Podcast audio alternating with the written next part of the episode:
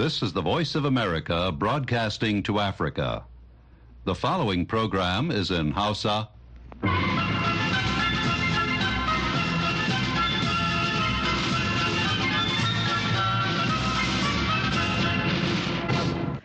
Sashen Hausa na muryar Amurka ke magana daga nan birnin Washington DC. Assalamu alaikum masu sauraron mu barkanku da asubahin wannan rana da fatan an waye gari lafiya. Aisha Mu'azu ce tare da Maryam Dauda da sauran abokan aiki muke farin cikin kasancewa tare da ku a daidai wannan lokaci cikin shirinmu na safe yau Alhamis 29 ga watan Fabrairu na shekarar 2024. To kafin ku ji abubuwan da muke tafa da su da farko ga Maryam da kanin labarai. To Aisha Majalisar Dokokin Ghana ta zartar da wani kuduri wanda zai kara tsaurara matakai akan 'yancin masu neman jinsi ɗaya da ake kira LGBTQ. Isra'ila ta faɗi cewa ta kai hare-hare ta sama a wuraren da makaman ƙungiyar Hezbollah suke a kudancin Lebanon kuma ta kakkaɓo wasu rokoki da aka harba daga Lebanon ɗin zuwa Isra'ila. sakataren harkokin wajen amurka anthony blinken ya yi wani zama da manyan jami'an mexico da guatemala a jiya laraba domin tattaunawa akan yadda za a shawo kan matsalar kwararar bakin haure To kanin labaran kenan. A ɓangaren rahotanni kuma za a ji dalilan da suka ingiza hukumar kula da kafofin sadarwa ta ƙasar Ghana ta rufe wasu gidajen rediyo huɗu a garin Baku da ke yankin arewa maso gabashin ƙasar. in abin da suke yin nan wanda ke babban abu ne yana kashi zaman lafiya yana kawo farace farace a mutanen bako to dole ne ya kamata a sallama wannan tasha a kulle ta don a kawo zaman lafiya Sannan za a ji cewa jihar Jigawa na shirin kulla alaka da bankin raya ƙasashen musulunci IDB domin mu buƙatar mu shine mutanen mu da suke ƙauyuka masu ƙaramin ƙarfi su zama sun samu sana'ar yi. Wannan noma ya zama sana'a a gare su. Kamar kowace ranar alhamis yau ma za mu kawo muku wani sabon shirin domin iyali wanda grace alheri abdu ta shirya kuma za ta gabatar. Wanda a yau kamar a makon da ya gabata za ta dora ne akan tsadar tattaunawa kan tsadar rayuwa da ake fama da ita a najeriya. Amma dai yanzu sai a sake gyara zama a sha kashi na farko na labaran duniya. Jama'a assalamu alaikum ga cikakkun labaran A jiya Laraba Majalisar Dokokin Ghana ta zartar da wani kuduri wanda zai ƙara tsaurara matakai akan 'yancin masu neman jinsi ɗaya da ake kira LGBTQ da masu ƙarfafa 'yan luwaɗi da maɗigo da sauran makamantansu a ƙasar da ke yammacin Afirka. Dama neman jinsi ɗaya laifi ne da za a iya yankewa mutum hukuncin zama gidan kaso har tsawon shekara uku. Yanzu kudirin ya kuma sanya hukuncin ɗaurin shekara biyar a gidan yari ga masu ƙarfafa ko goyon baya ko kuma ɗaukar nauyin ayyuka ayyukan 'yan ƙungiyar lgbtq ƙudurin dai na zaman ɗaya daga cikin ƙudurori mafi tsanani irinsa da aka gani a afirka gamayyar shugabannin addinin krista da musulmi da shugabannin gargajiya ne suka ɗauki nauyin gabatar da ƙudurin bayan kaɗa kuri'ar a majalisar dokokin ƙasar. Yanzu za a miƙa wa shugaba na na akufa addo ƙudurin. Yana da nan da kwanaki bakwai ya amince da shi ko kuma ya yi watsi da shi kamar yadda kundin tsarin mulkin ghana ya tanada.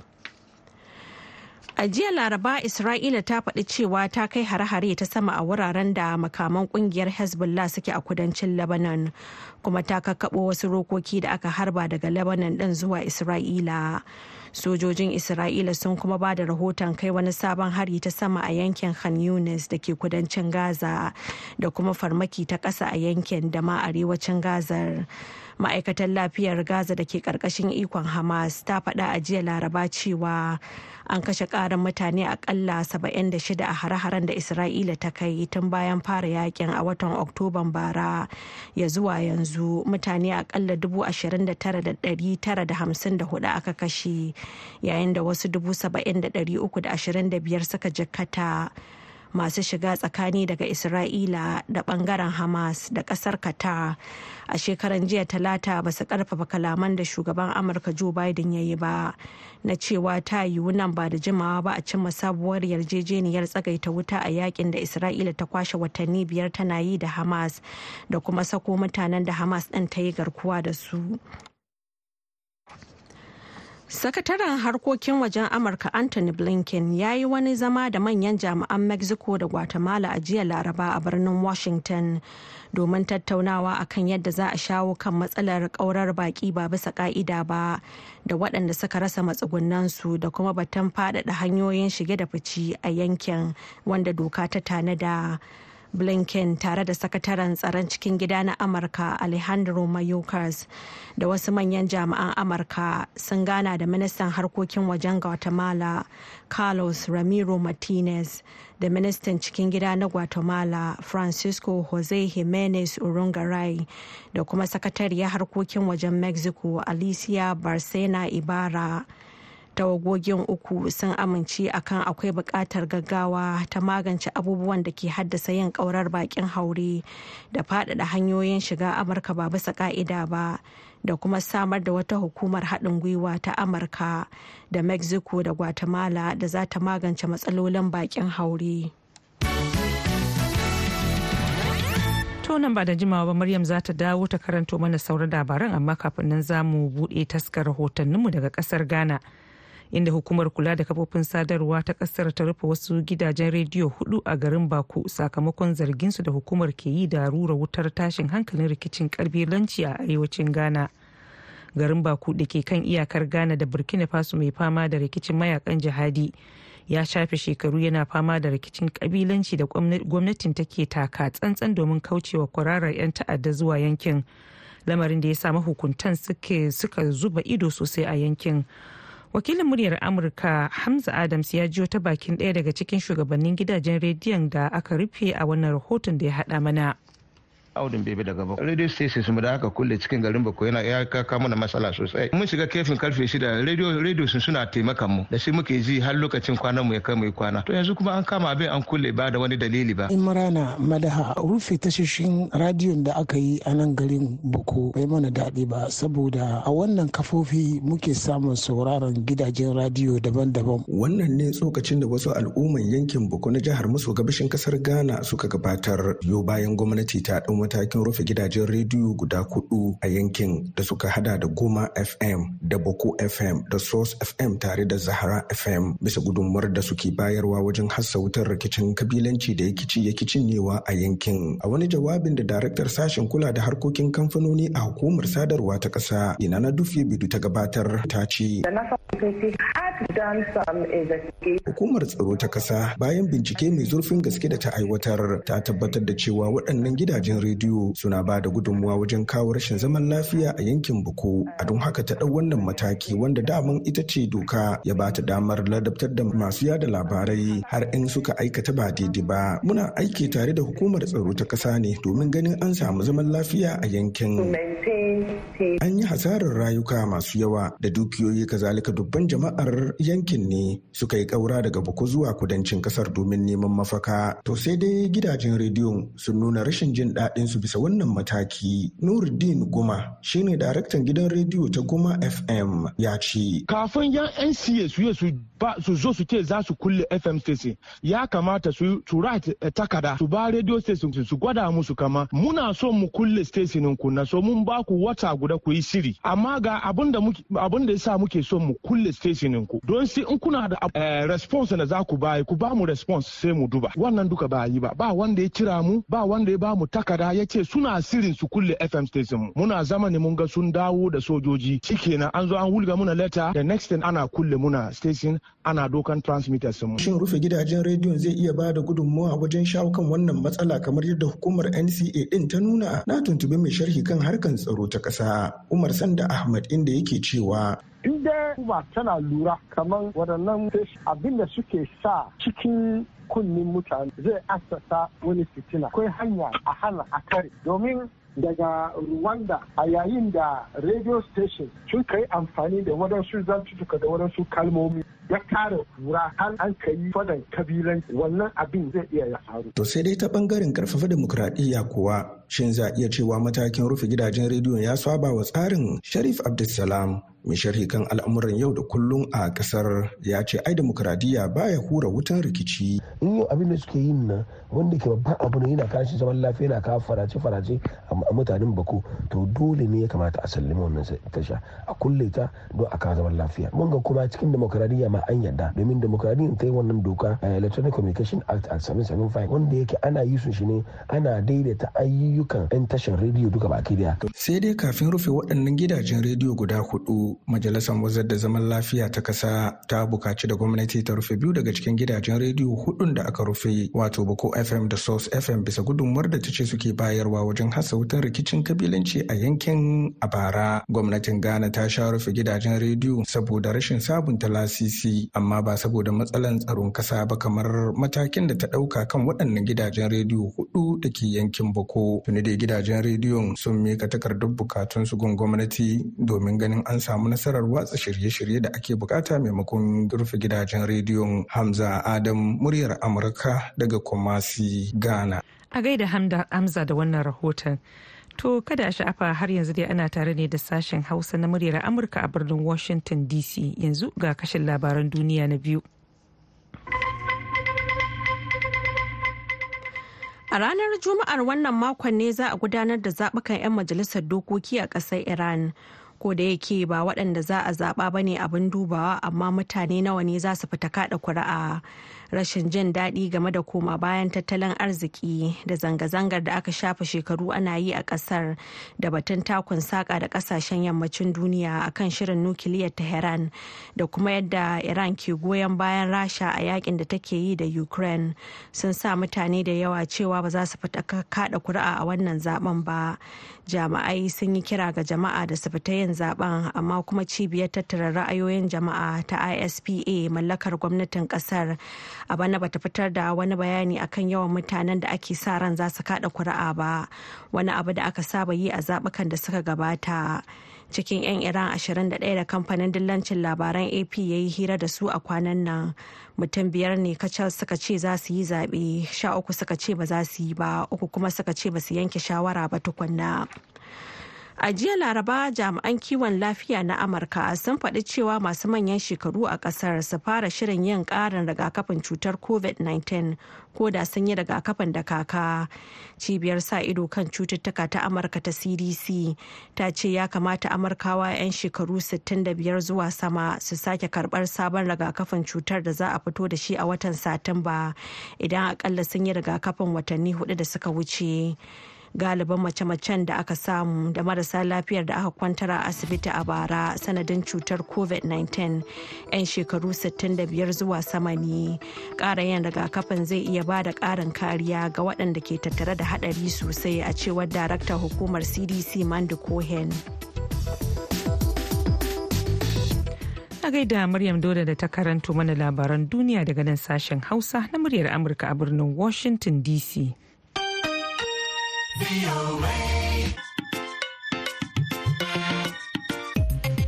Madalla. Bankin Raya Kasashen Musulmi IDB yana shirin kulle yarjejeniya da gwamnatin jihar Kano ta Jigawa domin bunƙasa harkokin noma da raya kasuwar ƙasa da ƙasa da cinikayyar dabbobi da ke garin mai gatari a jihar. Da yake ƙarin haske yayin hira da wakilin muryar Amurka Mahmud Ibrahim Kwari.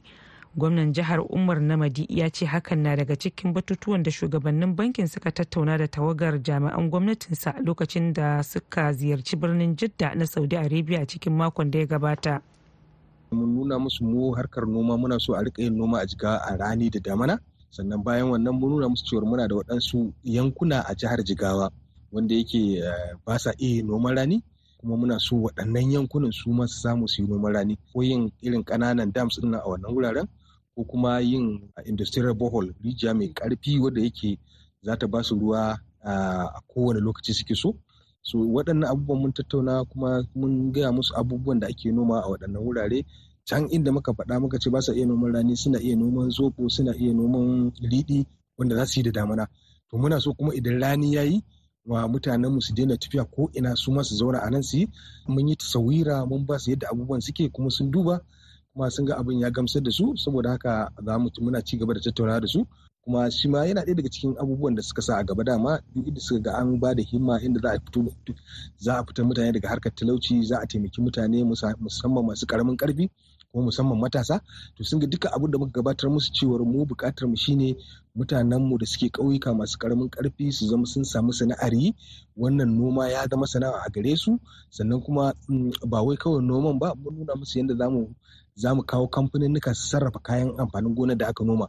Sannan mun nuna musu cewar za mu gina manyan kasuwanni kamar guda uku. Sannan kuma muka nuna musu yadda kasuwar mu ta mai gatari take ita ce kusan babbar kasuwa a kusan afirka ta yamma a kan harkar dabbobi. Wannan tallafi ko dafawa da suka ce za su yi wa gwamnatin jigawa zai zama ta fuskar kayayyakin aiki ne ko kuma akwai mazancen kuɗi? Kasan su bankin tallafin musulunci akwai abubuwa guda biyu. Akwai abin da ake kira grant suna ba da tallafi kuma akwai abin da ake kira bashi wani mai wanda ke ba ruwa a ciki. Kuma so duka guda biyun mun nema. Kamar yadda ka sani dama can tun gwamnatocin baya da suka shuɗe akwai bashi da aka nema na, na wannan banki. Amma saboda abubuwa da suka taso ba a jiga ba ta samu tamu wannan bashin ba bayan an ba da sun sahale sun yi komai shine babban dalilin da ya sa muka koma gurin su muka nuna musu tabbacin cewa in Allah ya da duka mun duba mun gane kurakuran mu kuma za a gyara kurakuran wannan saboda haka sun yadda sun gamsu duka abin da muka nuna musu kuma insha Allah za su ba da wani. Zuwa yaushe ne wataƙila za ku kai ga karkare wannan tattaunawa da tsarin da za a yi kuma a fara aiwatar da yarjejeniyar misali. Yanzu da muka dawo mun tura mutanen mu sun je a ma'aikatar kuɗi ta tarayya domin a ci gaba da dukkan abubuwan da ya dace. kuma kuma ma'aikatar kuɗi ta tarayya ta ba mu dukkan haɗin kai da ya kamata domin a samun nasarar wannan al'amari saboda haka muna nan muna aiki akan abin na san wannan tsari ne na yarjejeniyar ƙasa da ƙasa. Majalisar dokokin ƙasa ta kan shigowa don sahalewa a wasu ɓangarorin. Ban sani ba wannan mako akwai buƙatar ita majalisa ta ƙasa ta shigo ciki. Da wanda muke ta aiki da ita ma'aikatar kuɗi ta gwamnatin tarayya bayan mun gama namu aikin za mu tura musu su kuma su ma suka duba suka gama abin da za su yi sannan za su kai majalisa domin majalisa ta amince ta sahale akwai borrowing plan da ake faɗa wani tsarin karɓar basussuka da ake na ƙasa ga baki ɗaya za a sa shi a ciki sannan kuma shikenan sai a ci gaba da al'amura. Mahmud Ibrahim Kwari kenan a wata tattaunawar da ya da gwamnan jihar Jigawa. Kada fa a sha'afa ana tare ne da muryar Amurka daga nan birnin Washington DC akan mitoci 1625 da kuma 31. Yanzu agogonmu a nan washington dc na cewa ƙarfe 12 da minti 17 na dare. Ga shirinmu na gaba. Ya allah ya allah na roka allah ni kai ne na roka baro ki ka don ka ba.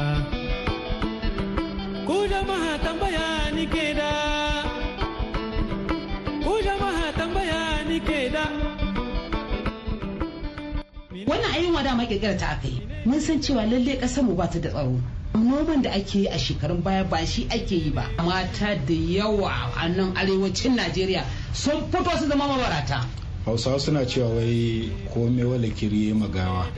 Wai mutuwa ta ja mata. Masu saurare assalamu alaikum barkamu da asuba. Alheri grace abdu ke muku fata alheri da kuma fata iyali na lafiya. Batun tsadar rayuwa a Najeriya wani lamari ne da ya ɗauki hankalin al'umma ba a Najeriya kaɗai ba, har ma da ƙasashen ƙetare, banda uwa uba ƙasashe da ke makwabtaka da Najeriya. Yau ma muna tare da iyaye mata Aisha Abdullahi Naira da Aisha Bello da kuma magidanci kuma ma'aikaci Nuhu Umar domin nazartar wannan lamari da nufin neman mafita a wannan tattaunawa da wakiliyanmu Binta Ibrahim ta jagoranta. A makon da ya gabata, Aisha Naira na bayani kan yadda iyali a Najeriya ke rayuwa kan ƙasa da dala ɗaya a wuni lokaci ya ƙwace mana, inda kuma za mu tashi kenan yau. Zancen yin wannan ya kai ga cewa mata sukan yi sammako su fita su tafi lambuna da ake fitar da kabeji. Sukan suka je wa'ina lambuna da ake fitar da ganyen kabeji. Shi mai gona shi yana cikin gonarsa yana cirewa. su kuma suna ɗaukowa suna kawa suna ɓara wannan bayan kabejin wannan koren ganyen za a dawo da shi wannan mai duhun nan. Wannan mai duhun. In aka da shi gida ta zo su sa ruwa su yanka su wanke sai su ɗora shi a waje su ɗiga mishi ruwan kanwa domin ya taushi. A dan samu wani abubuwan sinadari a dan jefa a hada a kwada ma yara su ci su musu kai bakin su. Mun kai ga wannan matsayin ana samun wannan. To a fahimtar hukuma ta daga ina matsalar ta taso? Bayan ga bayan cewa farashin kayayyaki sun yi sama. Wannan matsala ta taso ne daga wasu tsirarin manyan 'yan kasuwa da ƙananan 'yan kasuwa wanda tun da amfanin gona yana gona ba a kawo shi gida ba suka dinga bin ƙauyuka suna siyo abincin a gonakin manoma suna kaiwa suna tarawa a manyan-manyan storinsu yanzu ya zama idan ka shiga ƙauyuka da karkara da wasu lunguna idan ka je babu abincin kuma daga wurin su ake samu abinci a kawo ƙananan kasuwanni na ƙauyuka sannan a ɗauko a kawo manyan kasuwanni. To babu. Yanzu kamar kina ikirari ko kina zargin cewa shi wannan dai tsada da aka samu da yunwan nan kamar kirkirarsa aka kenan? Wannan ayin wada ma kirkirar ta aka yi. Mun san cewa lalle ƙasar mu ba ta da tsaro. Noman da ake yi a shekarun baya ba shi ake yi ba. Amma duk da haka nan manoman mu suna yin ƙoƙari suna noma abin da za mu iya amfana da shi a ƙasar mu. Amma me mugayen yan kasuwa sun riga sun shiga cikin al'amarin. Masabiyan sun shiga cikin wani al'amari? Ƙara da malmala wannan abun? Faduwar darajar naira. To da lokacin da aka samu dan matsi ko kuma canji a cikin iyali akwai matan da za ka iya cewa ba su da haƙuri ko kuma mazan da za a ce an tunzura su. Abu kaɗan musamman a arewaci da aka san cewa sunan auren rakin mu a lallaba za ki ga abu kaɗan ya sa an kawo hargitsi. Shin wannan tsadar rayuwar da canjin nan da aka samu ya kawo dan hatsaniya da kuma canji a iyalai? Ya kawo sosai. Saboda ni ma kaina ga nauci kuma na yi wani shari'a a satin da ya wuce. Yarinya tun tana ta haƙuri tana ta haƙuri da shi da babu haka kawai sai ya ce mata ta tafi gida. Ya gaji? Ya gaji. Ya tone ta faɗa mata ta eh ai ba ta faɗa. Da ya turo ta gida shiru shiru ba ta biyo ba. Shine iyayen suka ji shiru ba ta biyo ba sai suka yi min magana. Suka ce to ga yarinya fa ta zo gida kuma ba a neme shi bai yi magana ba. Na ce to ku neme shi mana. Da aka neme shi sai ya ce kai shi ya gaji fa da auren nan ne. Ba zai iya ba. Kun ga ko auren raki suna ta mutu. Ana ta dawowa hutu to. To ya za a yi? Hajaniyar to. Eh auren raki kan yanzu suna cikin halin inna lillahi wa inna ilaihi raji'un. Domin me? Yanzu matan su suke da auren ba mazan ki da auren ba. To in kina so ki ci gaba da zama da yawa ke kike da auren ki? In Allah ya taimake ki ya gidan da in kana zaune a gidan haya ne yana ya samu ya biya kuɗin haya na shekara to alhamdulillah kai wannan ke kin gode Allah.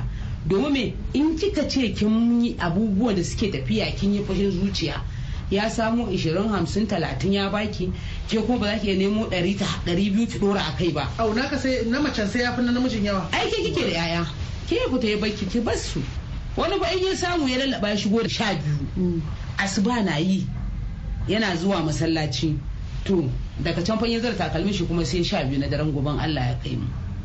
Zai kuma lallabowa ya dawo ya sadada ya shige. Kin lallabi yaran nan sun yi bacci. To kin ga yanzu ke kike da haƙurin auren? Ke kike da auren? Ba shi ba ne yake da auren. A'a igiya auren Allah na ya riga ba shi wannan hukunci yana hannun shi amma ke kike da haƙurin auren? Domin yanzu muna gani abubuwan da suke faruwa da yawa. Kotunan ma an daina zuwa. Domin ma aka je gaban alƙalin cewa zai yi haƙuri ki kuma ki za ki riƙe yayanki. Kuma haƙurin nan ma daga anguwa da kike ka fita shine za a baka a ce maka kai in ma ka je gidan ku ka kai ƙara. Can ma zai ce to ni ma ga halin nake ciki ga sauran ƙannan ki da tsohuwa. Sarrafa mu. Kar ta dawo kuma ta ƙara ɗaura an kuma kika dawo to fa ni ba zan iya riƙe ki ba. To gara ki haƙura a can ki zauna a gidanki. Dalili yanzu haka shi yasa mata da yawa a nan arewacin najeriya sun fito su zama mabarata. Kowa yana kacaniya. Masu aiki masu aiki na yi masu sana'a na yi masu ma yawon bara suna yi. Duk wani wurin da zaki je wajen dan jabba da hannu zaki tara akwai mata da yara. Ko ba na kasassu ba lafiyayyu. Ko masu aure. Ko masu aure ne. Zaki gwata ko da 'ya'ya biyar a gabanta. Duk rashin imanin ka sai ka tausaya mata ka tausaya ma yaya. Saboda ba ta da yanda za ta yi da su. Wani yana garin wani ma ya haure ya bar garin. Shi majal to zai zauna ne? Kullum ya zo a ce mishi babu yau da gobe sai Allah in bai tanka ba gobe zai tanka. In aka yi wasa idan ya mulmula hannu ya kai wani duka sai ga an zo an yi danya to madadin haka gare ya bar garin bata gan shi ba sai ya zauna lafiya. Akwai wata mata da aka same ta a garin rigasa. Matar gidan take zaune hasali gidan haya ne to kuɗin ta ya kare to mijin sai ya gudu sai baggarin ba abin da za a ci. Ba abin da za a to mai bai ba da kuɗin haya ba wani abinci zai iya ba da? Ai muhallin ma shine farko tukuna. To ba abin da za a ci balle muhalli. Aka tashe ta a gidan sai ta tafi cikin daji ta samu dan wuri sai ta zauna. Sai aka tsince ta a cikin daji tana kwana. Tana fitowa daga cikin nan din ta tasu ƴaƴanta. Duk yanda wani aiki na ƙarfi yake matan nan za ta yi domin ta kula da wayannan ƴaƴan nata. Babu ko makarantar boko da islamiyya ba wannan magana. Sai aka tsince ta cewa ai matan nan ga halin da take ciki aka ga irin abubuwan take na wahala. Sai da take na wahala? tana aikin gini. Gini na ɗaukan kasa da sauransu? Yadda kika san namiji zai je ya zauna ya ɗauki kankara ya hausu ya ya bi takala ya hau ya dora kankara a sama haka take yi. Take wannan rayuwar. Dan ta samu abin ta ci. Kuma wannan aiki take a wuni bai wuce a bata naira dubu ɗaya ɗari biyar zuwa naira dubu biyu. Shi ne kuma tana da abin da za a ci na ranar iyaka a bata na ranar kenan. Kuma tana da 'ya'ya guda takwas. To a wannan lokacin nan shine aka fuskanci wannan hali da wannan matan take ciki. Yadda waɗansu ƙungiyoyi da yawa suka shigo cikin al'amarinta da makota da masallatai da malamai suka ce to wannan mata ya kamata a da za a taimaka mata. Shine aka yi wata gidauniya wanda a ƙarshe aka samu aka dan samu mata muhalli aka gina mata dan gida aka samu fili aka dan siya mata dan wani ɗakuna guda biyu. Ana haka aka dan samu abincin da aka dan kai mata gida aka tozo ta zauna saboda ma lafiyar ta lokacin kuma ta shiga cikin wani hali. Saboda me? Mace ce kuma shekarunta sun riga sun dan ja. Rauni irin na mata. Aka dan samu rufi aka aje ta. Ana aje ta dan abu ta samu sai ga mijin kuma ya dawo ya bayyana. Ya bayyana? A ya dawo ya bayyana. Ai an samu ran zai dawo zo shi mai dan fake huta. To a haka nan ɗin nan saboda mazan yanzu zama masu rauni ke su zama masu rauni. Ai rauni gare su wallahi. Mace da za ta yi ba za ta taba zubar da 'ya'yanta ba. Mai imani ne yanzu wallahi zai tara mata ya dafa abinci? In kika zo akwai wurare da yawa yaji gani an dan tara mata. Mai imani wanda yake da shi? Margo masu imani sun dan dafa abinci an dan sa shi a cikin dan tekawe ɗin nan ki zauna ki ga yadda za a ba ma mata dan tekawe din abinci da su da sai da suke nan ba suke warwasu a wannan tsadar rayuwa wanda muke da manyan manyan masu kuɗi musamman mu da muke arewacin Najeriya. To yau ma lokaci ya ƙwace mana sabili da haka za mu ja birki nan sai dai kafin mu sallama da bakin namu mako mai zuwa za mu ji matakan da suke gani za a iya ɗauka na neman sassaucin wannan tsadar rayuwa. Muna godiya ta musamman ga bakin namu Aisha Abdullahi Naira da Aisha Bello da kuma magidanci kuma ma'aikaci Nuhu Umar sai ku wakiliyarmu Binta Ibrahim da ta jagoranci tattaunawa da kuma Dadi Balawe da daidaita sautin shirin kan batun aikata alheri. Masu iya magana suka ce, ana bikin duniya ake na kiyama idan kuma aka ƙi sharan masallaci a yi ta kasuwa. Kai ma kana da gudunmuwa da za ka iya badawa ga inganta rayuwar iyali. Da alheri. Kai mata su ne duniya, su ne daɗin duniya. Ta gaida Grace Alheri Abdu yanzu kafin mu yi sallama da ku ga Maryam ta sake dawa da shirinmu na ƙarshe wato labarai a taƙaice. To a taƙaice a jiya laraba majalisar dokokin Ghana ta zartar da wani kuduri wanda zai kara tsaurara matakai akan 'yancin masu neman jinsi ɗaya da ake kira LGBTQ da masu ƙarfafa 'yan luwaɗi da maɗigo da sauran makamantansa a ƙasar da ke yammacin Afirka. Dama neman jinsi ɗaya laifi ne da za a iya yankewa mutum hukuncin zama gidan kaso har tsawon shekara uku a ƙasar. Yanzu kudirin ya kuma sanya hukuncin ɗaurin shekara biyar a gidan yari ga masu ƙarfafa ko goyon baya ko kuma kuma ɗaukar nauyin ayyukan 'yan ƙungiyar lgbtq a jiya laraba isra'ila ta faɗi cewa ta kai hare-hare ta sama a wuraren da makaman ƙungiyar hezbollah suke a kudancin lebanon kuma ta kakkaɓo wasu rokoki da aka harba daga lebanon ɗan zuwa isra'ila. Sojojin isra'ila sun kuma ba da rahoton kai wani sabon hari ta sama a yankin khan yunis da ke kudancin gaza da kuma farmaki ta ƙasa a yankin da ma arewacin gaza. Ma'aikatar lafiyar gaza da ke ƙarƙashin ikon hamas ta faɗa a jiya laraba cewa an kashe ƙarin mutane akalla 76 a hare-haren da isra'ila ta kai tun bayan fara yaƙin a watan oktoban bara ya zuwa yanzu mutane akalla 29,954 aka kashe yayin da wasu 70,325 suka jakata. Sakataren harkokin wajen amurka anthony blinken ya yi wani zama da manyan jami'an mexico da guatemala a jiya laraba a birnin washington don tattaunawa akan yadda za a shawo kan matsalar kwararar bakin haure da waɗanda suka rasa matsugunansu. To masu sauraro da takaitattun labarin za mu sallama da ku a cikin shirinmu na yanzu. sai kuma zuwa can an jima da rana da misalin ƙarfe 4 agogon Najeriya Nijar Kamaru da Chadi wato ƙarfe 3 kenan agogon GMT da Ghana a ji wasu abokan aikinmu da shirinmu na rana. Yanzu a madadin Maryam Dauda da ta taya ni gabatar da shirin da kuma wanda ya shirya ya ba da umarni Dadi Balawe da ma injiniyanmu na yanzu Mr. Charleston ni Aisha Mu'azu nake muku sallama. Ma'asala.